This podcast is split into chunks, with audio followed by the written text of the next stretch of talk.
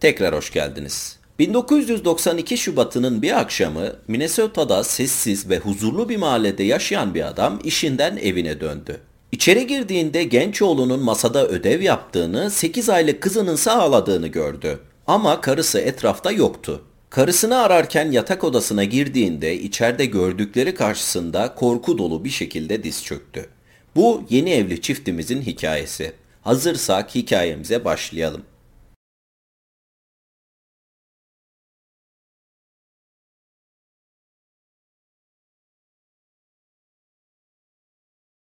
38 yaşındaki Linda Jensen kocası Charlie ile birlikte yeni doğan güzel kızlarına baktıklarında ne kadar şanslı olduklarına inanamıyordu.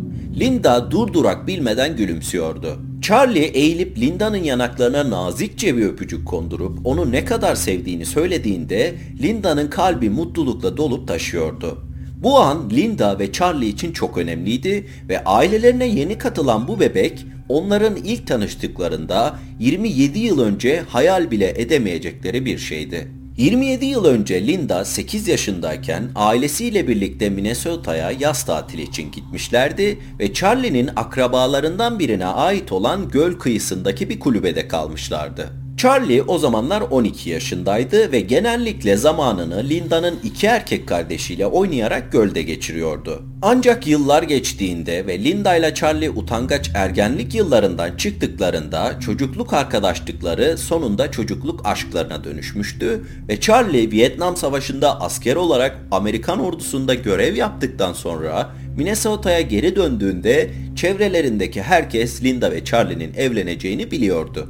Linda ve Charlie kimseyi yanıltmamış ve evlenmişti. 4 yıl sonra 27 Ocak 1974'te çiftin ilk çocuğu olan oğulları Andrew dünyaya geldi. Ancak Andrew henüz 4 yaşındayken anne ve babasının evliliği birçok Vietnam gazisi gibi bozuldu. Charlie savaşta edindiği bir psikolojik durum olan travma sonrası stres bozukluğuna yakalanmıştı. Bu durum Charlie'nin savaş deneyimleri tarafından tetiklenen öfke nöbetleri ve sinirli hissetme gibi belirtilerle kendini gösteriyordu.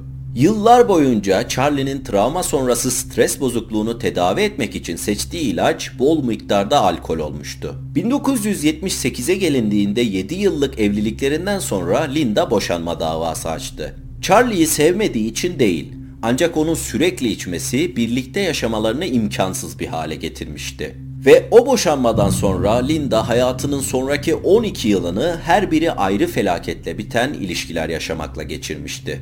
Uzun süreli bir ilişkisi vardı ve bu ilişkisinden Joey adını verdiği oğlunu doğurmuştu. Ancak bu ilişki Joey'nin babası ile evlenmeden sona erdi. Bundan sonra başarısız olan bir evliliği daha oldu ve Linda hem Colorado'ya hem de Kaliforniya'ya gitti. İki ilişki de ardında ayrılıklar ve kötü hisler bıraktı. Linda'nın eski erkek arkadaşı ve Joey'nin babası öfke ve madde bağımlılığı sorunları olan bir insandı ve çocuk desteği ödemeyi reddediyordu. Linda'nın hala Kaliforniya'da yaşayan eski kocası Joey'i evlat edinmişti. Ancak o da Linda'nın kendisinden çocuk yapmak istememesine çok kızmış ve boşanmak istemişti. Eski kocası John Sliman'ın Joey için ayda 300 dolar çocuk desteği ödemesiyle sonuçlanan boşanma davaları bittiğinde Linda'nın gidecek hiçbir yeri kalmadığı için sonunda ablası Sandy'nin birlikte yaşama teklifini kabul etti. Şimdi Linda hastanenin doğum servisindeki yatağından Charlie'ye baktığında 13 yıl önce geride bıraktığı öfkeli ve hasar görmüş genç adamdan en ufak bir iz bile göremiyordu. Çünkü Charlie için Linda'dan, çocukluk aşkından boşanması bir uyanış çağrısı olmuştu. İçtiği içkinin kendisi için ne kadar pahalıya mal olduğunu fark eden Charlie, oğlu Andrew'a ve kendisine bir söz verdi. Temiz ve ayık olacaktı. Verdiği sözü tutmayı başarmıştı da. Linda için ablasının yanına yerleşmesi bitip iş bulduktan sonra Charlie ile tekrar karşılaşması hayallerindeki adamla yeniden tanışmak gibiydi. Charlie artık içki içmiyordu ve başarılı bir marangoz olmuştu. Hatta bu marangozluk yeteneklerini oğlu Andrew'a da öğretmişti. Ayrı geçirdikleri yıllarda edindikleri sert yaşam tecrübeleri ikisinin de aşkını daha derin ve güçlü bir hale getirmişti. Linda ve ablası Sandy her zaman çok yakın olmuşlardı. Ama birlikte yaşadıkları son 12 yıl boyunca Linda'nın yaşadığı fırtınalı dönem boyunca Linda sadece ablası Sandy'ye açılmıştı. Sandy kız kardeşini iyi tanıyordu. ve Linda'nın yüzünü o kadar mutlu gösteren tek bir adam olduğunu biliyordu. O adam Charlie Jensen'dı. Bu yüzden Linda ve Charlie'nin tekrar evleneceklerini duyurmaları Sandy için bir sürpriz olmadı. Düğün tarihleri olan 3 Nisan 1991, 20 yıl önce evlendikleri günle aynıydı. Çift için sürpriz olan şey Linda'nın Charlie'nin yanına taşındıktan kısa süre sonra hamile kalmasıydı. Çift ikinci kez evlenirken Linda 7 aylık hamileydi. 2 ay sonra artık 42 yaşında olan Charlie ve 39. doğum gününe sadece 4 gün kalan Linda ikinci kez bebek sahibi oldu. Bebekleri Lisa'nın hayatlarına gelişi Linda için son 12 yıldır aradığı hayatın başlangıcının bir işaretiydi. Şubat 1992'nin sonlarına doğru Lisa 8 aylıkken Linda, Charlie, Joey ve Lisa için hayatları kısa sürede rahat bir rutine bağlamıştı. Linda'nın yerel bir okulda özel ihtiyacı olan bireylerle çalıştığı bir işi vardı. Charlie'nin inşaat işleri de çok yoğun gidiyordu ama vakit buldukça çocuklarıyla ve torunlarıyla ilgilenmeyi ihmal etmiyordu. Yaz sonuna doğru Linda düzenli egzersiz rutinine geri döndü. Spor salonuna kayıt olmasının yanı sıra Linda koşmaya da tekrar başladı ve kısa süre içinde yaşadıkları yer artık çok tanıdık bir manzara haline geldi. Yakınlarındaki mahalleler günlük yaklaşık 8 kilometre yol yaptığı rutinin bir parçasıydı. 22 Şubat günü Linda kardeşi Sandy'ye Jensen ailesinin günlük güneşlik hayatına sızan tek karanlık bulutla ilgili en son güncellemeyi vermişti. Koltukta oturan kız kardeşler aile haberlerini paylaşırken Linda Joey'i izcilik kulübüne kaydettirmek için telefonda izcilik takım lideriyle konuşmuştu ve telefonu kapatmıştı. Tekrar telefonun çalmasıyla konuşmalarını kesen ikiliden Sandy, Linda'nın yüzünde beliren gergin bakışı fark etti. Linda son iki hafta içinde Joey'in biyolojik babası olan Robert'tan iki arama almıştı. Bu ikincisiydi. Velayetini Linda'ya vermesine ve çocuk desteği ödememesine rağmen Robert 9 yaşındaki oğluyla daha çok görüşmek konusunda çok ısrarcı davranıyordu. Linda, Robert kendisine şiddet uygulamaya başladıktan sonra onu terk etmişti. Bu yüzden Robert'ın artan aramaları ve talepleri tehdit edici ve üzücü hissettiriyordu. Linda'nın yüzü birkaç saniye sonra normale dönmüştü.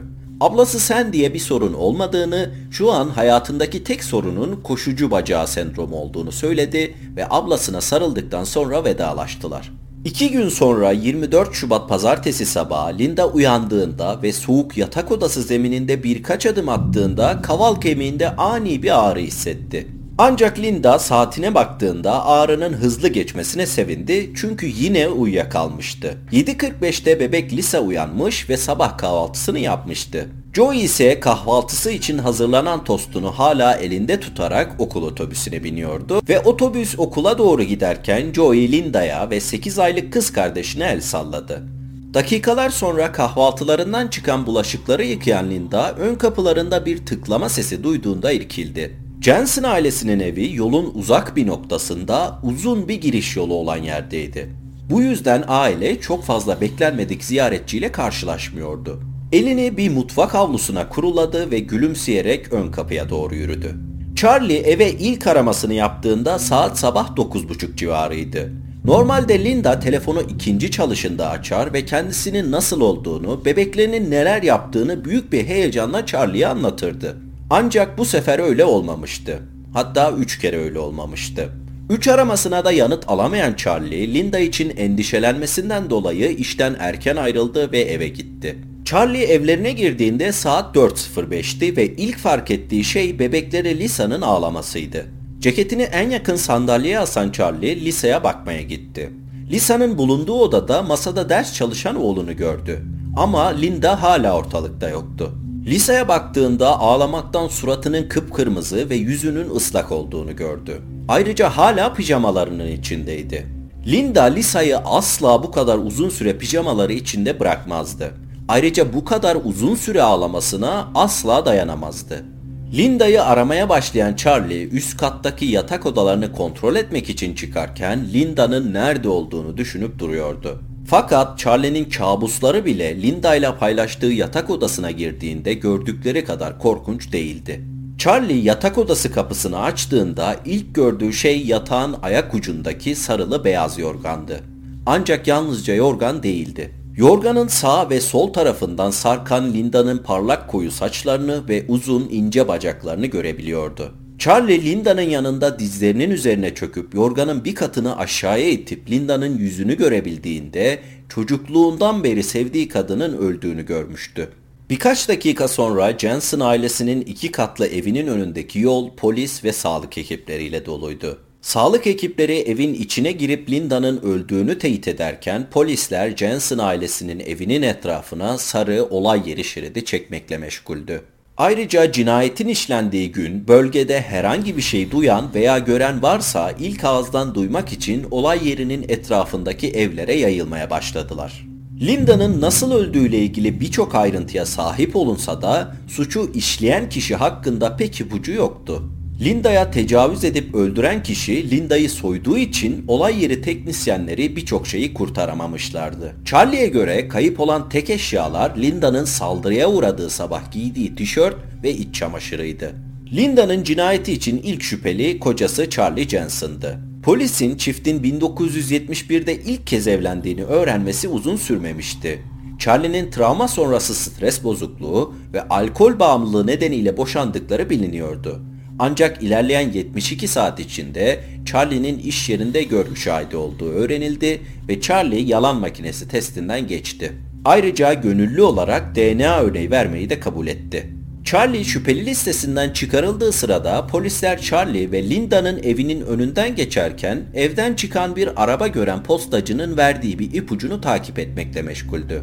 Postacı cinayetin işlendiği 24 Şubat 1992 pazartesi günü saat 11.30'da Jensen ailesinin evinin önünden geçerken Jensen ailesinin evinin bahçesindeki garaj tarafından çıkan bakır renkli bir kamyonetin içinde sakallı bir erkek görmüştü. Postacının tarifleri polis çizerlerinin bir çizim yapmasına olanak sağladı ve kısa süre sonra medyada yer alarak televizyon haberlerinde ve gazetelerde yayınlandı. Linda'nın ölümünden 17 gün sonra polisler Linda Jensen cinayetindeki tek sağlam ipuçlarının da dağılmaya başladığını gördü. Çünkü postacı hikayesini değiştirmeye başlamıştı. Bakır renkli bir kamyonet gördüğünü söyleyen postacı şimdi kamyonetin yeşil olabileceğini, şoförün de sakallı değil kürklü bir mont giymiş olabileceğini söylüyordu. Bu yüzden Linda'nın hayatına girmiş ve çıkmış olan erkekleri sorgulamaya başladılar. Bunlardan ilki Joey'in biyolojik babası olan Robert'tı. Robert'ın ölümünden önce Linda ile telefonda konuştuğunu biliyorlardı. Ancak Robert'ı sorguladıklarında Robert oldukça savunmacı ve agresif davranıyor, ayrıca telefonda konuştuklarını reddediyordu. Cinayet günü evde televizyon izlediğini söyleyen Robert bir arabası veya ehliyeti olmamasından dolayı böyle bir şey yapmak istese bile oraya gidemeyeceğini söylüyordu. Robert bir avukat tuttu ve polise DNA örneği vermeyi reddetti. Polislerin yapabileceği tek şey Robert'ı şüpheli listesinde tutmak ve Linda'nın hayatındaki diğer erkeğe geçmekti. Linda'nın eski kocası olan John Slimana. Ancak John'un da olay günü bir ilkokulda çalıştığını söyleyen görgü şahitleri vardı. John'un banka hareketleri incelendiğinde şüpheli bir hareket görülemedi. Bu yüzden John da şüpheli listesinden çıkarıldı. Linda'nın kendi yatak odasında tecavüz edildikten sonra öldürülmesinin üzerinden 9 hafta geçmişti. 1992'nin sonuna kadar 3 farklı bölgeden polisler binlerce ipucunu takip etti. Yüzlerce arkadaş, iş arkadaşı, aile üyesi, komşu ve olası şüpheliyi sorguladılar ve 80 kişiden DNA örneği aldılar. Ancak bir sonuca varılamadı ve soruşturma durma noktasına geldi. Yine de ablası Sandy ve kocası Charlie cinayet soruşturmasının sonlanmaması için mücadele ediyordu. Yıllar boyunca her hafta en az iki kez olayı soruşturan Sherburne karakolunu arayarak Linda Jensen cinayeti hakkında yeni bir gelişme olup olmadığını soruyorlardı. Sandy ve olayı soruşturan dedektif Bruce Anderson True Crime programlarına konuk olarak katıldılar ve halkın konu hakkında yeni bir kanıt sunması umuduyla televizyon izleyen herkese çağrılar yaptılar.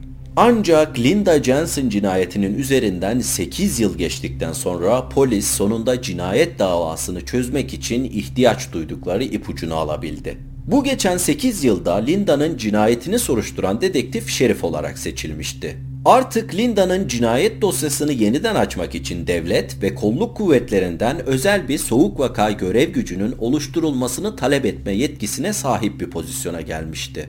Öyle de yapmıştı. Linda'nın katilini yakalamaya ve mahkum etmeye yönelik ipuçlarını sağlayan kişiye 20 bin dolarlık bir ödül vaat etmişti. 20 bin dolarlık ödül duyurulduktan sonra Linda'nın ablası Sandy, Angela isimli bir kadından bir ziyaret aldı. Cinayetten 8 yıl sonra Angela karanlık bir sırrı olan bu adamı polise teslim etmek için artık hazırdı.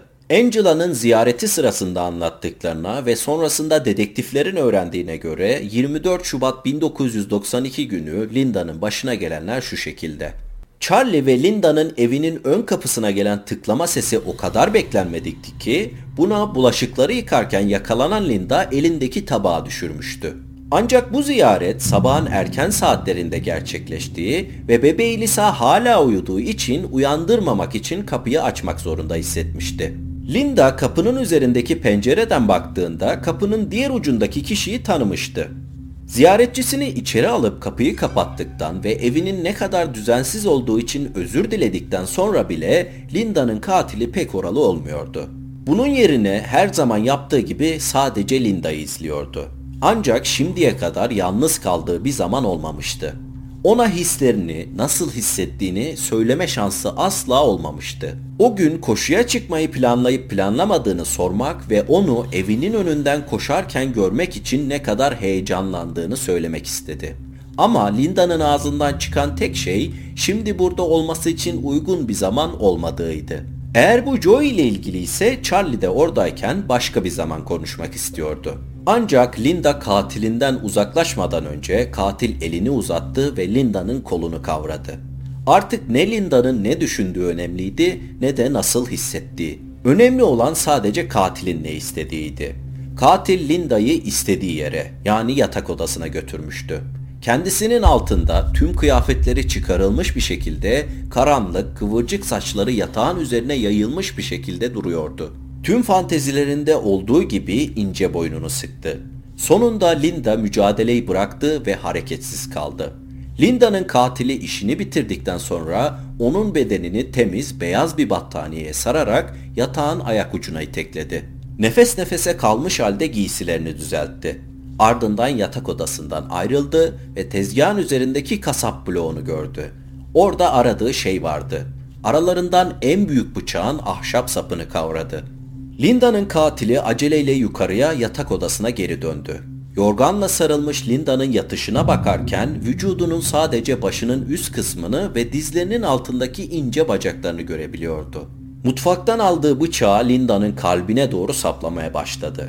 Tekrar, tekrar bıçaklamaya devam etti ve nihayetinde bıçağı Linda'nın göğüs kafesinin ortasından geçirdi. Bu darbe o kadar güçlüydü ki Linda'yı sardığı yorgan Linda'nın göğsüne saplanmıştı. Ayakta zor duran katil yatağa döndü ve çarşafları çekip aldı.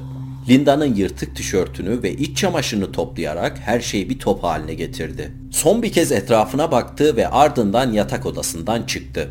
Hızla merdivenlerden aşağı indi, kapı yakınına düşürdüğü ceketini aldı ve birkaç dakika sonra Charlie ve Linda'nın komşusu, yerel izcilik grubunun lideri 28 yaşındaki Kent Jones 900 metre uzaktaki evine gitti. Linda'nın cinayetinden sonra polisler aradıkları bakır renkli kamyonetin raporunu duyduktan sonra Kent Jones'u sorguladılar. Ancak rutin bir sorgulamada Kent, Linda Jensen'ı tanıdığını reddetmişti. Linda'nın ölümünden 8 yıl sonra Kent'le bir ilişkisi olan Angela Hannon, o zamanlar herkesin konuştuğu bir suç olan Linda'nın ölümü konusunda konuştuğunda Kent çok şiddetli tepkiler gösteriyordu. Angela, Kent'in Linda'yı tanıyıp tanımadığını sorduğunda önce saldırgan bir şekilde inkar ediyordu.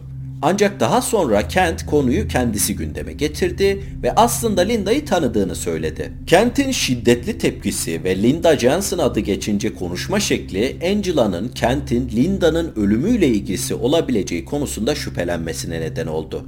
Angela'nın şüpheleri haklı çıktı. Kent Jones sadece Joey'i izcilik kulübüne kaydettirmesi için ona danışan Linda'yı tanımıyordu. Aynı zamanda haftada birkaç kez koşarken gördüğü güzel koyu saçlı kadına takıntılı hale gelmişti. Onun rutinlerini izlemeye başlamış ve sürekli olarak hayallerini kurmaya başlamıştı. Kent DNA örneği vermeyi reddetse de polisler bir arama emriyle geri döndüler ve kısa süre sonra DNA analizi sonucunda Kent Jones'un DNA'sı otopsi sırasında Linda'nın vücudundan alınan vücut sıvısındaki DNA ile eşleşti.